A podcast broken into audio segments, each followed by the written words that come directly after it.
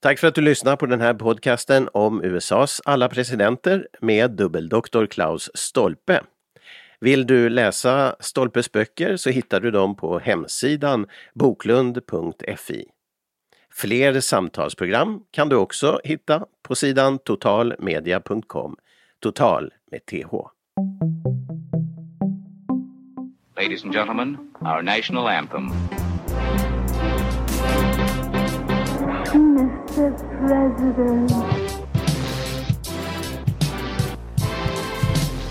I, John Fitzgerald Kennedy, do solemnly swear I, Barack Hussein Obama, do solemnly swear. So help me God. Free at last! Free at last! Thank God Almighty!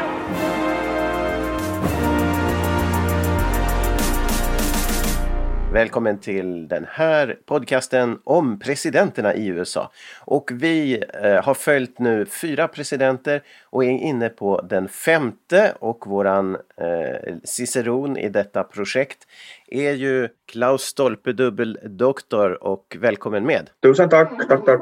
Ja, vi har ju egentligen aldrig presenterat oss eh, sådär värst, men jag brukar säga att du är dubbeldoktor. Men, men eh, ja, din, du är en akademiker eh, kan man ju säga. Ja, alltså jag jobbar ju vid Åbo Akademi uppe i Vasa då och undervisar i statskunskap, offentlig förvaltning och politisk historia. Och då klart offentlig förvaltning så det kommer vi ju inte in på, på här för att det är ju då främst finländsk offentlig förvaltning jag undervisar i. Av lätt insedda skäl men att eh, eh, statskunskapen och politisk historia så tangeras ju. Och eh, där är det ju då en sån grej att jag är statsvetare i grunden. Jag har då för många år sedan, 1997, eh, disputerat för doktorsgraden i statskunskap på en, en avhandling om olika presidentvalsmetoder, däribland den amerikanska och den får ju kanske inte så speciellt höga betyg i det avseende. Jag menar att, man, att en som får en majoritet av rösterna kanske förlorar och sånt. Så är det lite speciellt ur ett liksom, strikt demokratiteoretiskt perspektiv.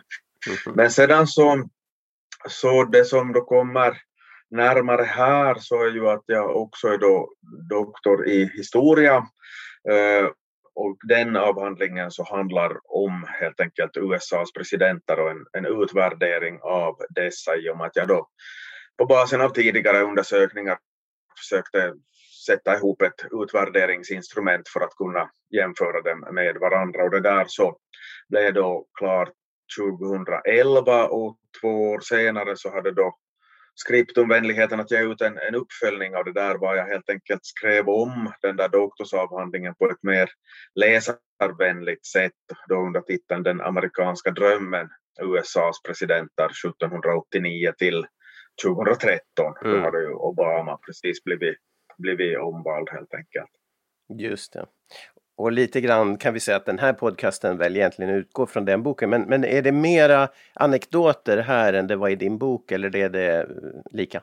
Jo, verkligen för att äh, alltså i, i den där doktorsavhandlingen som hade titeln Bland oss några elefanter så, så, så där så fick man ju inte ha med några anekdoter i, i någon större utsträckning därför att eh, liksom det skulle vara mera nu säger jag inte att det är ett självändamål att det ska vara knastertorrt, men att det är ju inget mervärde i en doktorsavhandling att texten är liksom läsarvänlig, läsarorienterad. Det är ju ett liksom, akademiskt mognadsprov. Och sedan i den amerikanska drömmen så där fick jag ju med mera, mera av anekdoter, men inte så mycket som vi pratar om här, så att, att, att det här är kanske då ja, lite ro, roligare och mer underhållande saker som vi tar fasta på här och vem vet, man kanske kunde sätta ihop en, en, en separat bok kring de här lustiga episoderna. Det skulle kunna vara ganska intressant för folk. Mm. Inbillar, inbillar jag mig kanske. Absolut, det, det, och efter, våra, efter vi 46 veckor när vi, eller månader när vi är färdiga med det här så är det dags. Nej, du får antagligen göra den lite före det i så fall. Um, tar sin tid. Men uh, ja, spännande. Och, men uh, du har ju också egna sändningar.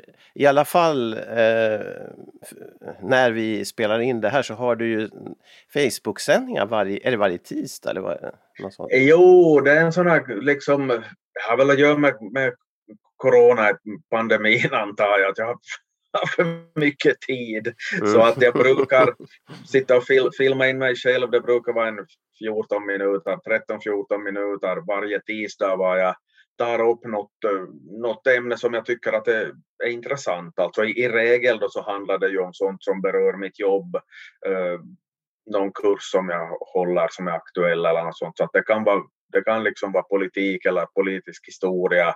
Någon gång så, så tar jag ut svängarna och talar om fotbolls-EM eller ishockey-VM eller något sånt. Men det, det är liksom mer, mer, mer sällan. Mm. Jag tror att eh, de, de snuttar som, som väcker mest intresse eller minst ointresse kanske så, så handlar väl om, om amerikansk politik mer sån här nutid kanske. Det, mm.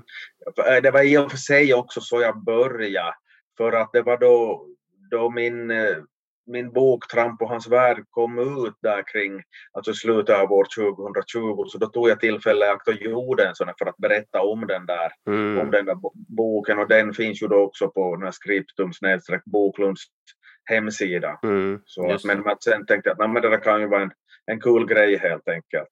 Så du fortsatte på det viset? Ja, just det. Ja, mm. precis. Det, det, är ju inte så, det, det, det, tar ju inte så lång stund att fixa ihop det där. Jag menar, jag, jag förbereder mig kanske inte så, så mycket. Jag har några franska streck och, och, och så vidare så att hela processen så tar väl kanske en, högst en timme att liksom, totalt sett att lägga, lägga in det där så att det, det är liksom bara en, en kul grej helt enkelt men att det är ju mm. snällt att du tar upp det här för att det kan ju vara någon, det kan ju vara någon, någon som tänker att det där måste jag ju kolla in. Det är ju bara att slå in mitt namn och valfritt tisdagsdatum, Klaus Stolpe och ja, vilket datum man... Det är bara att kolla, kolla någon tisdag från 2021 eller något, så, så, så, så kommer man in, in på det helt enkelt. Ja visst, och vi, vi lägger upp en länk också och det, om inte du fortsätter med det sen så finns det ju äldre, kan, antar jag sparas det på något sätt eller? Ja, det finns ju på, det finns ju på Youtube allting. Ja, det är på Youtube. Ja, precis. Ja, det är sant. Jo, jo. Ja, jag förklarade lite dåligt här att det är liksom att, det, att du har sittit på Facebook så beror väl på att jag lägger in länken där helt enkelt. Ja, just det. Är ju en, mm. det, är ju, det är ju en Youtube-kanal. Det var bra det där kom på Ja, ja, just det. Ja, men det, det, kan ju, det kan ju folk inte förväntas veta, känna till naturligtvis. Nej, och jag sa fel dessutom. att, men men att då, då kan vi länka till den. Och även en annan författare som uh, har varit med i Boklund åtminstone uh, är ju Rico Eklund och eh, han, gör, han gjorde ju också redan när corona började, eh, när han satt ute på sin ö utanför eh, Åbo där längre ut utanför Pargas någonstans eh, så, så, gjorde han också på samma sätt olika ja, betraktelser. Ja, ja, och jag tror att han, har, han har nog fortsatt även med det, även om nu, nu är han tillbaka på land igen. Jag menar, just nu kanske han är på sin ö, men då, han kom hem till land igen. Men han, han, han har också en sån här regelbunden iakttagelse eh, sak som. Så det är roligt, två stycken av våra, han har medverkat till en del podcast här förut. I alla fall, vi ska, eh, det var intressant att höra lite om dig och vi får säkert upprepa det av och till för de som tillkommer här och lyssnar. Men det är klart att att vill du som lyssnar höra från, ett, från början till slut så är det väl att rekommendera. Vi börjar ju med George Washington i den här serien och så nu har vi då kommit förbi just eh, eh, James Madison som, som var mannen bakom konstitutionen. Och nu är det då, han var fjärde president och nu är vi alltså framme vid James Monroe och vilket år är det då som han eh, kommer att väljas till president i USA? Det är 1816 och 1820 som James Monroe blir, blir, blir vald och de valen är ju inte speciellt spännande eftersom eh, den här tid, det här första tvåpartisystemet i USA, så dess epok är i praktiken över. Mm. Visserligen ställ, finns det en federalist, Rufus King, som ställer upp 1816, men han är då ganska, ganska chanslös. Mm. Och, Eh, och sen eh, 1800, 1820 så, så då, då är det ingen motkandidat, utan då får Monroe alla elektorsröster utom en helt enkelt finns lite oro. Så att, men, men det ja. där med partierna, hade, hade det, var det nu under Monroe då, eh, i och med 1816 som det egentligen hände eller hade det påbörjats redan under Madisons tid? Alltså det hade påbörjats under Madison och en sån här brytningspunkt så, så var ju det här kriget mot, mot britterna som kunde då ha blivit, blivit väldigt ödesdigert för USA, det kallas då för Mr Madisons War och det var liksom ganska lite spefullt eh, Eh, sagt om presidenten att det var hans fel att det blev, blev krig och det där kunde ha gått, gått dåligt för britterna var ju en militär stormakt på den här tiden men de, de var ju, har ju krigströtta på grund av sina fighter med Napoleon. Men uppe i nordost där federalisterna hade varit starka så så slöt de här delstaterna i det så kallade New England en, en separat fred med kanadensiska grannar i norr och, och de försökte, det var tal om att eh, de skulle lösgöra sig från USA och sånt och i och med att kriget då ändå gick bra så tappade folk förtroende för federalisterna. Mm. De sågs lite som några landsförrädare och, och, och, sånt så att det, de höll nog på fejda ut redan, redan före Madison blev, blev vald, men att man kan, eller förlåt, Mad, Monroe, förlåt, mm. men att man kan säga att de här sista, kunde kalla det sista dödsryckningarna kom i samband med att Monroe var president. Mm. Ja, i och med att det fanns fortfarande kvar en kandidat i, i det valet och som, som det var sista, sista resten alltså. Eh, ja. Eh, man såg, var det inte något, just det här devisen, vi federalister ska nog se på historien med tillförsikt. Ja, precis. Det, blir, det, är ju en, det, just den, det var faktiskt just den där Rufus King som, de, som var uppställd för federalisterna som, som, som, som då redan före valet sa att, att, att sådär, om det nu var skämtsamt eller ironiskt eller bittert att vi federalister kan se på historien med tillförsikt, mm. märk väl, inte, inte framtiden för att de fattar ju att det här, det här så har vi liksom vi håller på att tappa greppet här och dessutom Dessutom är det en sån grej att, att eh, de här vissa idéerna som federalisterna hade som, som egentligen var, var liksom helt bra och gångbara, där de hade rätt helt enkelt, så att demokratrepublikanerna hade, som de kall, motståndarna kallade så hade ju anammat de delarna, mm. alltså att, mm. att, att man insåg att det behövs ändå en viss form av centralstyre för att, för att det där landet ska överleva och så, sånt, så att, eh, mm. så att de var inte lika benhårt inne på det här med att, att delstaterna ska sköta sig själva och that's it, utan, mm. utan de, de, de insåg att man behöver någon form av, av centralstyre. Så de hade, jag vill väl inte säga att de hade snott federalisternas bästa idéer, men lite grann ja, plocka russinen ur kakan helt enkelt. Mm. Ja just det och då, och då har vi alltså ett, ett läge med det här enparti ett bra tag framåt. Det det är åtminstone tio år innan det börjar eh, leva något nytt, eller hur? Var det inte så? Ja, i, i, det, i det stora hela, för att då vi kommer fram till det här första valet efter, efter Monroe sedan, så då, då är det plötsligt fyra kandidater som, som får elektorsröster och de hör ju till samma parti, men då mm. blir det ju lite som i jag tror det blir, låter kanske lite fånigt, men att, eh, att eh, det blir liksom som i en, en kommun där det är ett parti som som styr väldigt starkt, då, då blir det nästan obönhörligen falanger mellan de här olika byarna eller kommundelarna som, som konkurrerar sinsemellan för att det finns lite, lite olika intressen. Det, att det kan mm kretsa kring olika starka personligheter eller något annat. Och eh, mm. det här första valet efter Monroe, alltså 1824, så så det slutar ju med en skandal helt enkelt. Det, det tar,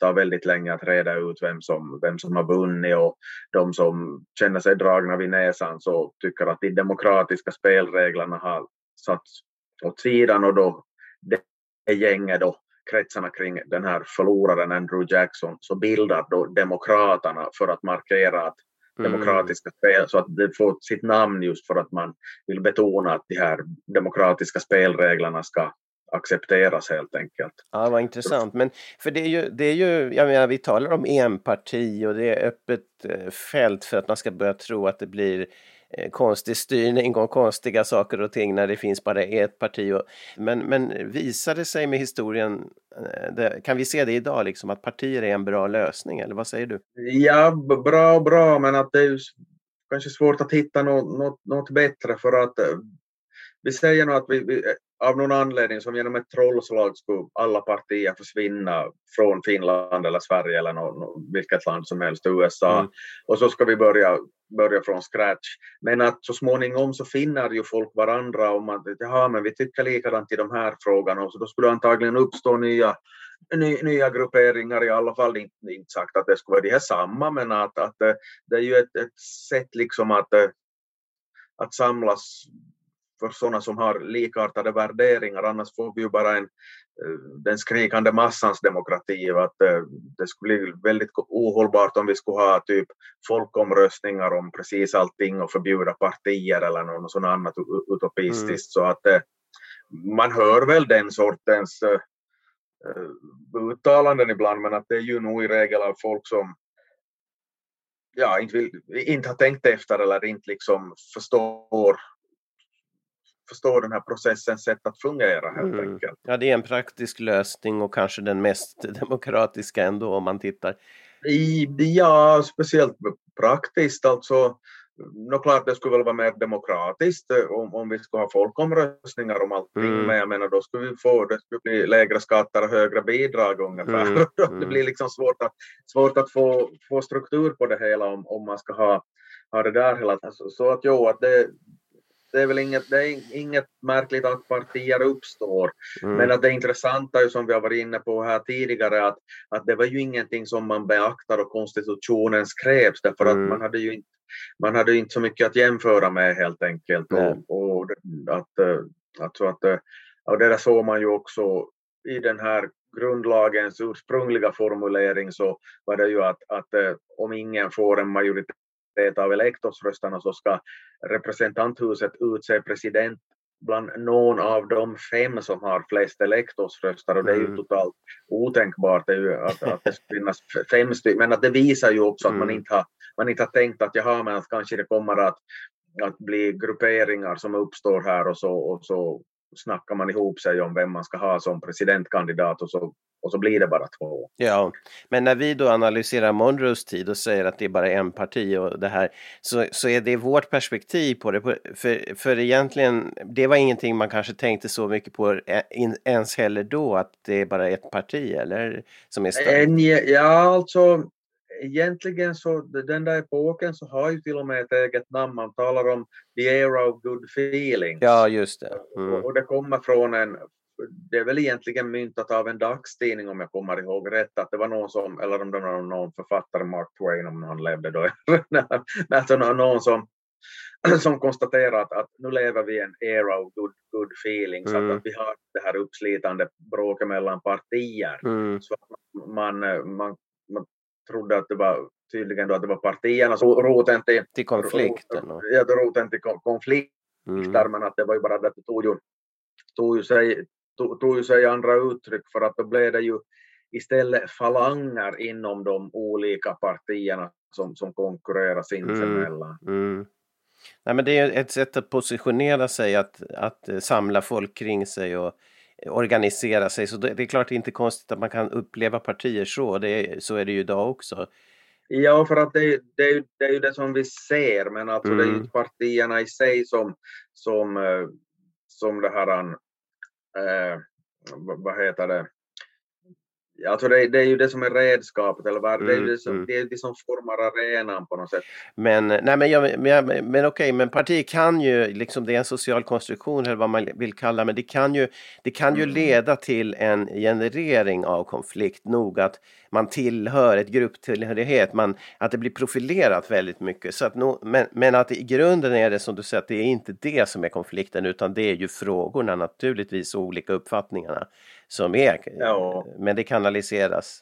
Jo, det kanaliseras ju via partier och sedan då så, så kan det ju, finns ju då en viss risk då ifall man är väldigt, hyser en stor vurm för liksom gruppbeslut och att man inte får avvika från gruppbeslutet och sånt. Mm. Och då blir det ju, då, då blir det ju mer polariserat. Uh, nu ser vi ju, vi ser ju det där i dagens, dagens läge att om du träffar en uh, ung välutbildad kvinna som är för, för, vad heter det, för abort och, och mot, mot, mot det här uh, ska hitta på, mot att man ska få ha väldigt mycket vapen i hemmet och, och sånt. Så jag skulle vara om hon inte är speciellt religiöst lagd så då är hon ju ganska säkert så röstar hon på Demokraterna och mm. har vi en, en, en, en, en eh, kar som är mot abort och mm, liksom tycker att det är okej okay med en massa vapen i hemmet och, och dödsstraff är, är helt okej okay och så vidare så, och han är djupt religiös så kan vi väl då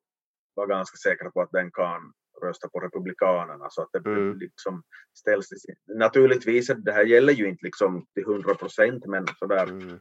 Man kan ju hitta ganska klara, klara mönster här. Ja, ja det, det är ju på så vis livsåskådningar och positioner som Ja, jo. Men i alla fall, eh, Monroe, eh, alltså blir president 1816. Han räknas ju till den sista founding fathers, är det inte så? Ja, det gör han, men att det där är egentligen inte helt korrekt för att han är ju inte, Mm. han är ju inte med och skriver grundlagen, han, eh, han är inte med och, och med och godtar den självständighetsförklaringen och sånt. Han är liksom snäppet för ung helt enkelt. Men att, att han Mm. fortsättningsvis räknas in i den där ska vi säga, första kategorin av presidenter så har väl att göra med att att eh, dels att han är från Virginia, det, det är ju allihopa utom Adams av de där första presidenterna är därifrån. Dessutom så Mm. kommer han ju fram i rampljuset med stöd av sådana som Jefferson och, och, och, Madison. Och dessutom så en annan grej som hur ska jag säga, påminner om att han hör till en tidig epok eller tidigare epok, så att han går klädd på samma sätt som de första presidenterna. Och sen de här som kommer efteråt så klär sig på ett annorlunda sätt. Så att redan det här, det Ja, här yttre, alltså han, han går omkring i knä, knäbyxor och en sån där trekantshatt eller träkornshatt eller vad det, vad det, vad det, vad det heter. Så, alltså George. Washington-mössa om vi, säger så. ja Så han, han som liksom också till det yttre så, så, så ser han helt enkelt annorlunda ut än vad, jag menar de, de som kommer efteråt har långbyxor. Eh, Ett begrepp som jag tycker man kanske har hört ibland och det är den Monroe-doktrinen. Mm. Vad är det? Ja, egentligen? alltså det är ju ett, ett begrepp som kom att användas väldigt mycket under kalla kriget. Så att, eh, och det Mm. handlar om att det kom en utfästelse från den här James Monroe, det var inte han själv som skrev den där formuleringen, men det spelar ju ingen roll, men att, att det var en markering att de här, att framledes så ska de här europeiska stormakterna så har ingenting i den här delen att, av världen att göra helt enkelt.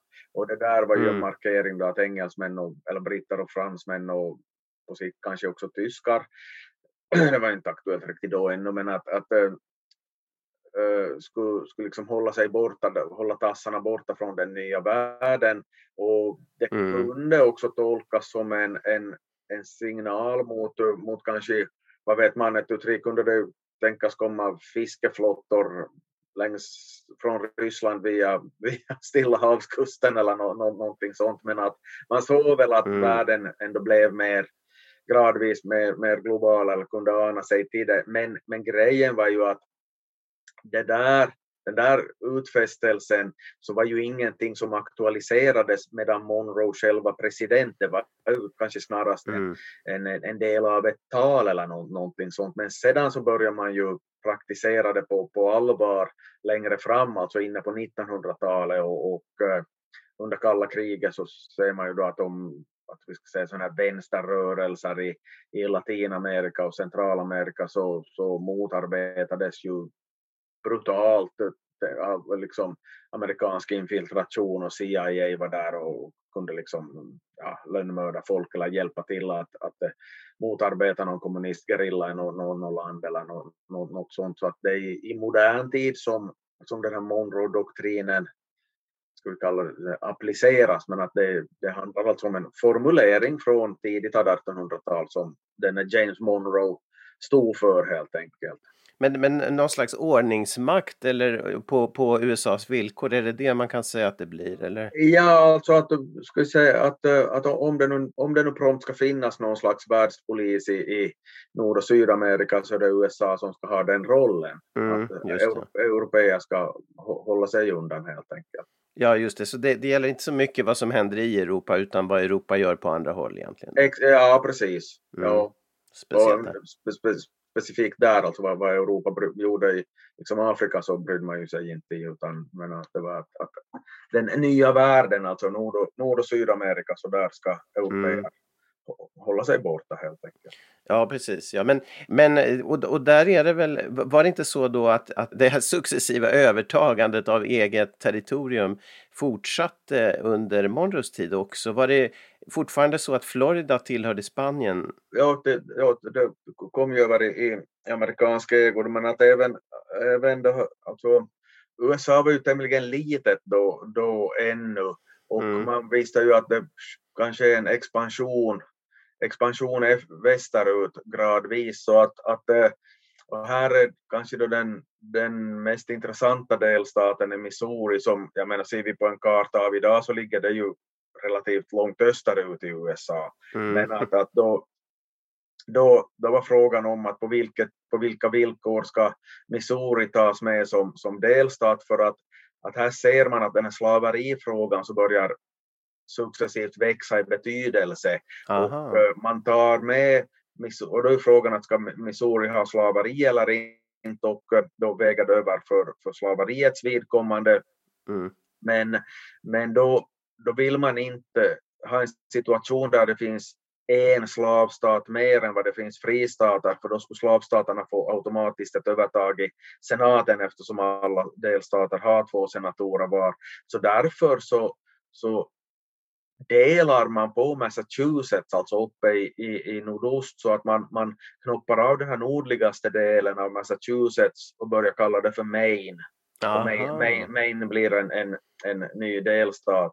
Och, så att, eh, så att det är ju lite, det är ju lite, det är ju ett väldigt speciellt sätt för en, en amerikansk delstat att uppstå på helt enkelt, att man delar på, på två, eller man, man delar upp en befintlig delstat i, i, i två olika delar, men det var en, skulle kalla det, skrivbordskonstruktion för att, att, eh, att, att det skulle bli jämnt skägg i senaten helt enkelt. Mm, just det.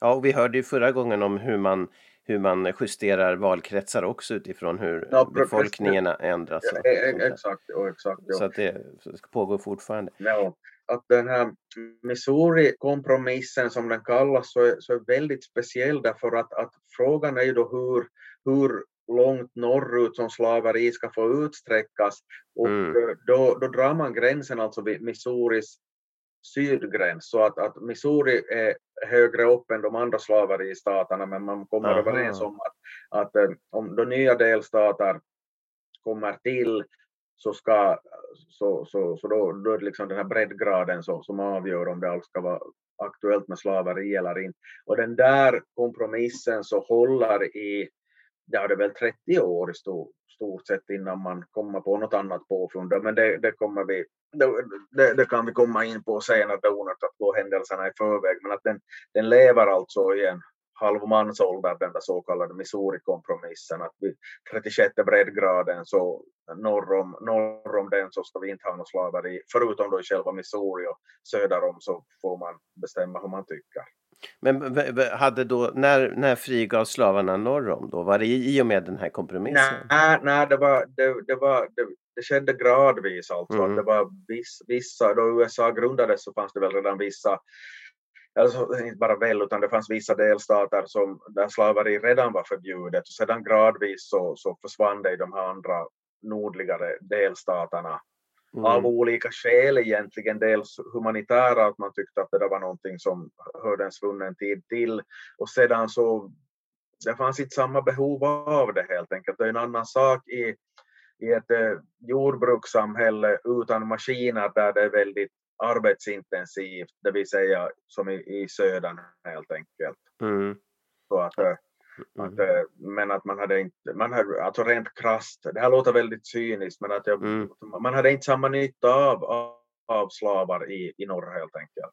Nej, nej, just det. Att det, var, det var ekonomiska eh, skäl då, ja, på ett vis. För, Ja, precis. Det, det, Mm. det låter ju alltså som, som om man skulle vara mer cynisk än vad man är, men att det är ju inte, Mm.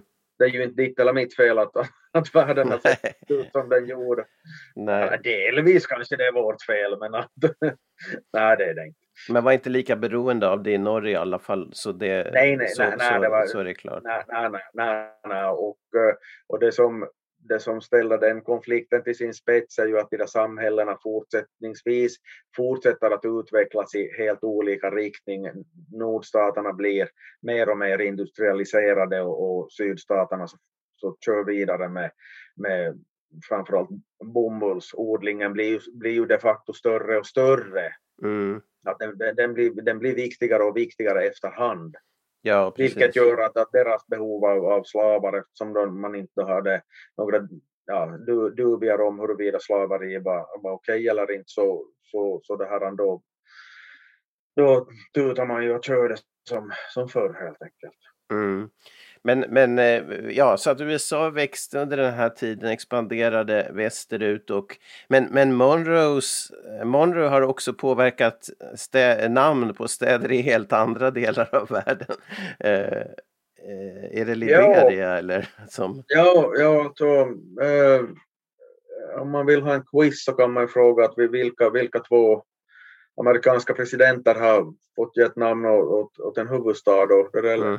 Ett, ett, ett exempel är väl ganska lätt att, att komma på, George Washington, Washington DC. Det mm. behöver man inte vara någon, någon, vare sig Tesla eller Einstein för att tänk, tänka ut. Men, att, eh, mm. eh, men eh, James Monroe så, så har gett namn åt huvudstaden i Liberia, den heter ju Monrovia och det kommer mm. från honom därför att det fanns en, en, en rörelse på den här tiden som, som helt enkelt som jobbar för inte bara slaveriets upphävande utan man hade fått för sig att, att eh, de borde få flytta hem till Afrika igen. Det är ju inte sagt att frigivna slavar Eh, vill flytta tillbaka till Afrika bara för att man har rötterna därifrån. Men att, att Liberia då, det har man ju också namnet antyder. Ah, just det. Fri, fri, fri, frihetslandet eller vad vi ska kalla det.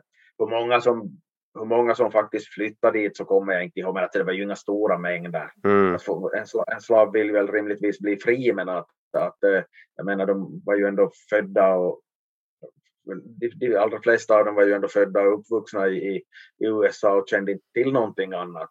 Mm. Nej, så precis. Att, så konstigt. Så att, att, att, att, sen åka tillbaka, det är ju liksom en romantisk touch över det naturligtvis, att, att nu, ska vi, nu ska vi få ett eget land, och, och men, det är ju ja, det var ju, det var ju kanske ingen höjdare i de, i de allra flesta fall. Nej, just det. Just det. Och, och, men, men det oaktat så, så huvudstadens namn så, så kom det från James Monroe. Monroe, ja just det. Men han var, för, på, på tal om Monroes delaktighet, han var med och, i, i kriget, friskriget mot England i alla fall. Eh, på något sätt. Han stred, eller?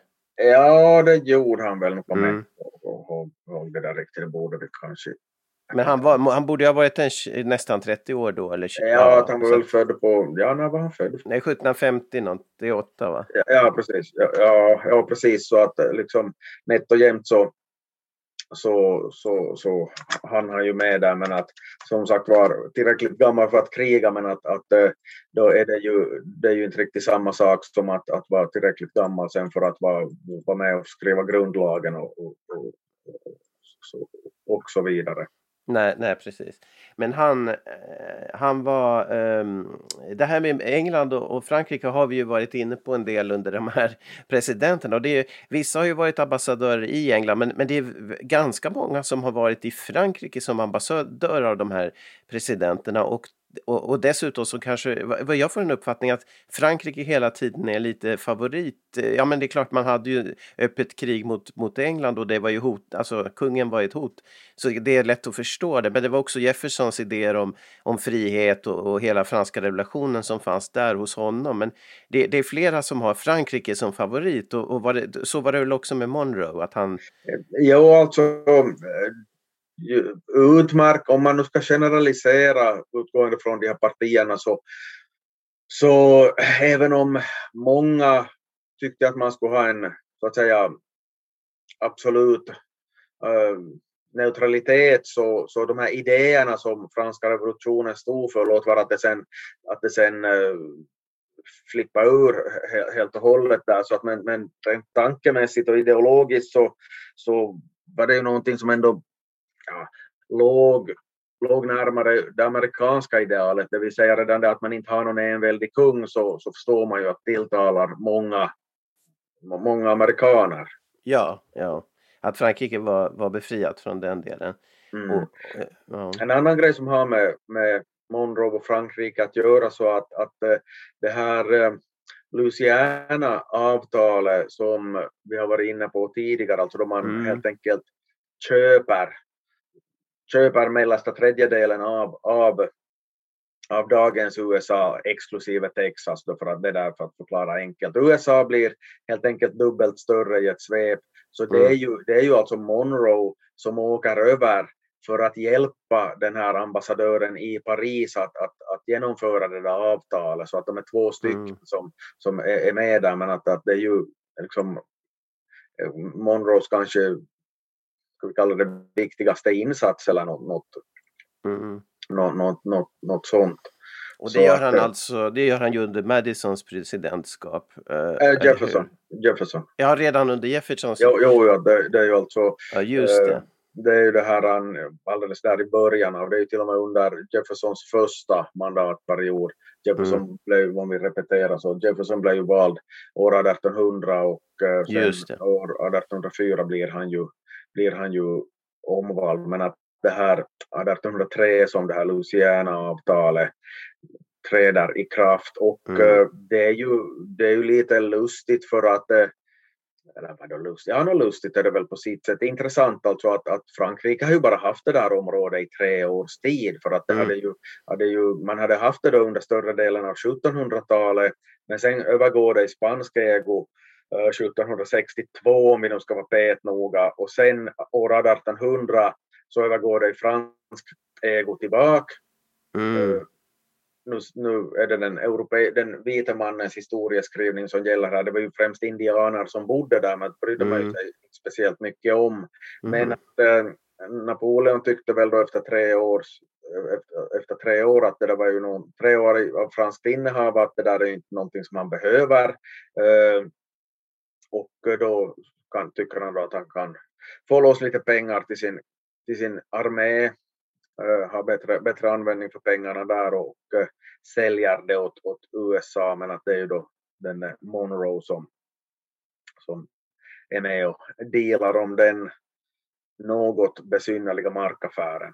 Ja, och han, mm, han hade ju varit ambassadör i Frankrike också då tio år tidigare, alla, mitten av 90-talet, 1790-talet. Så att han hade ju säkert eh, av det skälet också kontakter och anledning, eller hur? Att, Jo, jo, jo att, det ju, att visserligen så hade han ju inte varit, eh, varit speciellt, han var bara några år där därför att eh, det var, det var då redan under George Washingtons tid som president men att, att Mm. Washington så var ju väldigt uttalad sån här Eh, neutralitetsman, att man ska inte binda upp sig allt för mycket till, till någon, någon del av de här europeiska stormakterna. Men, eh, men Monroe då så, så for ju till, som ambassadör 1794 men blev återkallad redan 1796 därför att, att, eh, att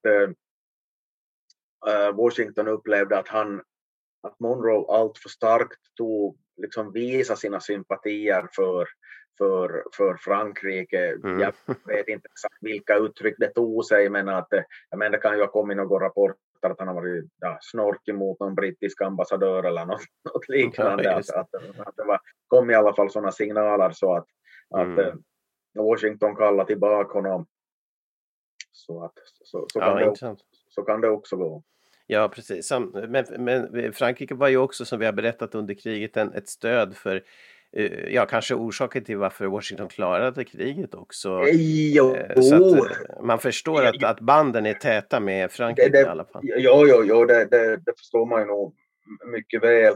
Sedan kan man ju också förstå att, att eh, vissa kan föredra britterna trots allt därför att man har ett gemensamt språk och så Ja. vidare. Så det är lättare att Ja. kommunicera med. Så att det finns ju vissa sådana här rent praktiska, eh, praktiska fördelar. Men att, eh, men att eh, det är nu inte alls sagt att, eller, att eh, USA skulle ha blivit USA om de inte skulle ha fått hjälp från Frankrike för att den, den, den var de facto ganska betydande. Jag tror Mm. inte att den, det betonas kanske inte tillräckligt starkt i amerikansk historieskrivning men att, eh, att det, det, det, kan, det kan nog mycket väl ha varit det som var tungan på vågen att man klarade det där kriget så pass bra. Fransmännen var ju inte med från början Mm. och det, det, det var ju en armé av trashankar som Washington hade men att, eh, Mm. att sen kom det några sådana här ganska överraskande segrar för, för de här frihetsdrömmande amerikanerna då och då,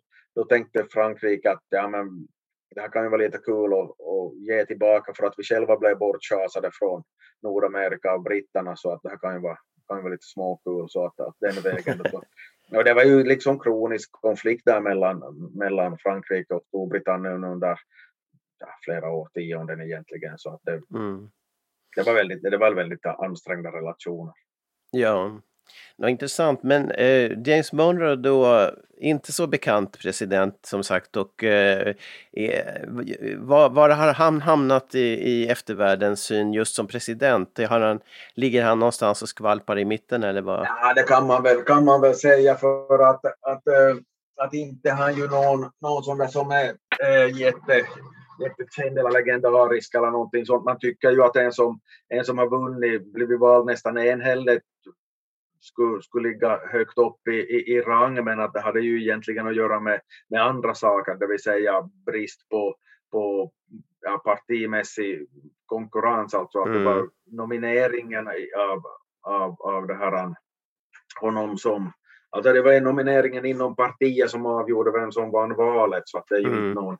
Att man kan nog säga att det är en, det är en, en man brukar kalla honom för en, en, en förvaltande president, alltså för att Mm. det hände inte så eh, extrema saker. Okej, visserligen det där med Missouri-kompromissen var ju, var ju intressant och fick, fick betydelse, men att han ja, göt olja på vågorna där, men att, att någon sån här eh, eh, kan man ju säga att trots att han nu var president i åtta år så, så, så det var ju inte en massa turbulens. De hade, det var inga krig eller någonting sånt, inga, inga enorma lågkonjunkturer eller, eller något, något sådant. Men att å andra Mm. sidan, en som är president så har ju all möjlighet i världen att ställa till med en massa, massa underligheter. Men att, att du, vad var det du sa, skvalpar i mitten så är väl en, det är väl egentligen en, en, en det här, en ganska bra summering faktiskt.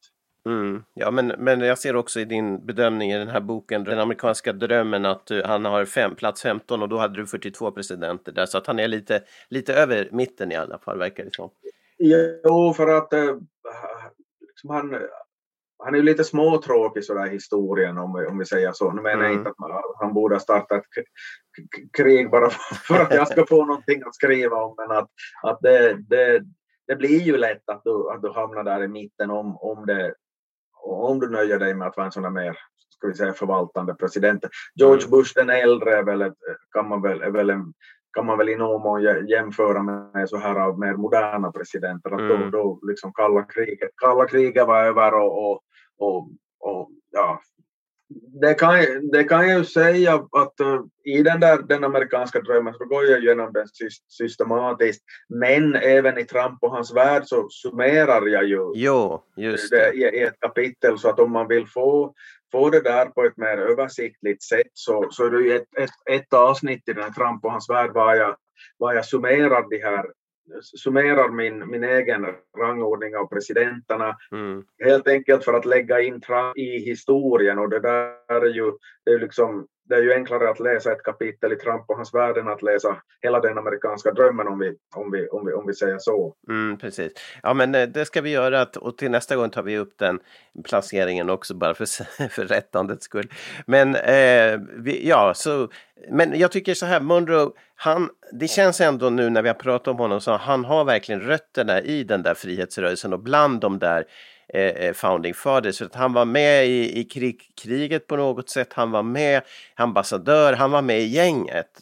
Och, Ja, och det kommer vi att se att det försvinner ju nu för de, de droppar av alltså. Men han, är, han har en stark connection till det där gänget som är founding fathers och på så vis har han också blivit en av dem liksom ändå. Eh, eh, Ja, precis. Eh, Han, så han, han som hänförs till den, den, den fållan, till den epoken helt enkelt. För att då är det ju att den som, den som kommer som, som följande president så är ju, är ju son till en av de founding fathers. Så att, Precis. Att det, det är en annan, i Generation. ord, ordets rätta bemärkelse, en, en annan generation som, som kommer, som tr- träder in i bilden här. Just det, John Quincy Adams kommer Mm. nästa gång.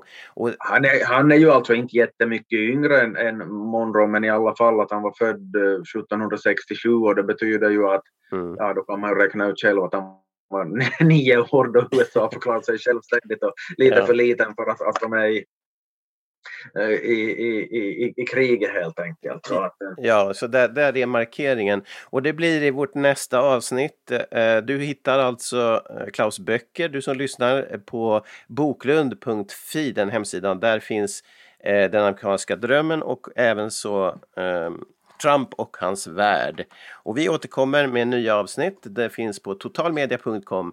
Tusen tack Klaus Stolpe för, för idag. ja, tack själv, tack själv. Du har lyssnat på podcasten Mr President och du kan hitta fler avsnitt och andra samtalsprogram på sidan totalmedia.com. Vill du läsa Klaus Stolpes böcker om USA och presidenter så hittar du dem på sidan boklund.fi.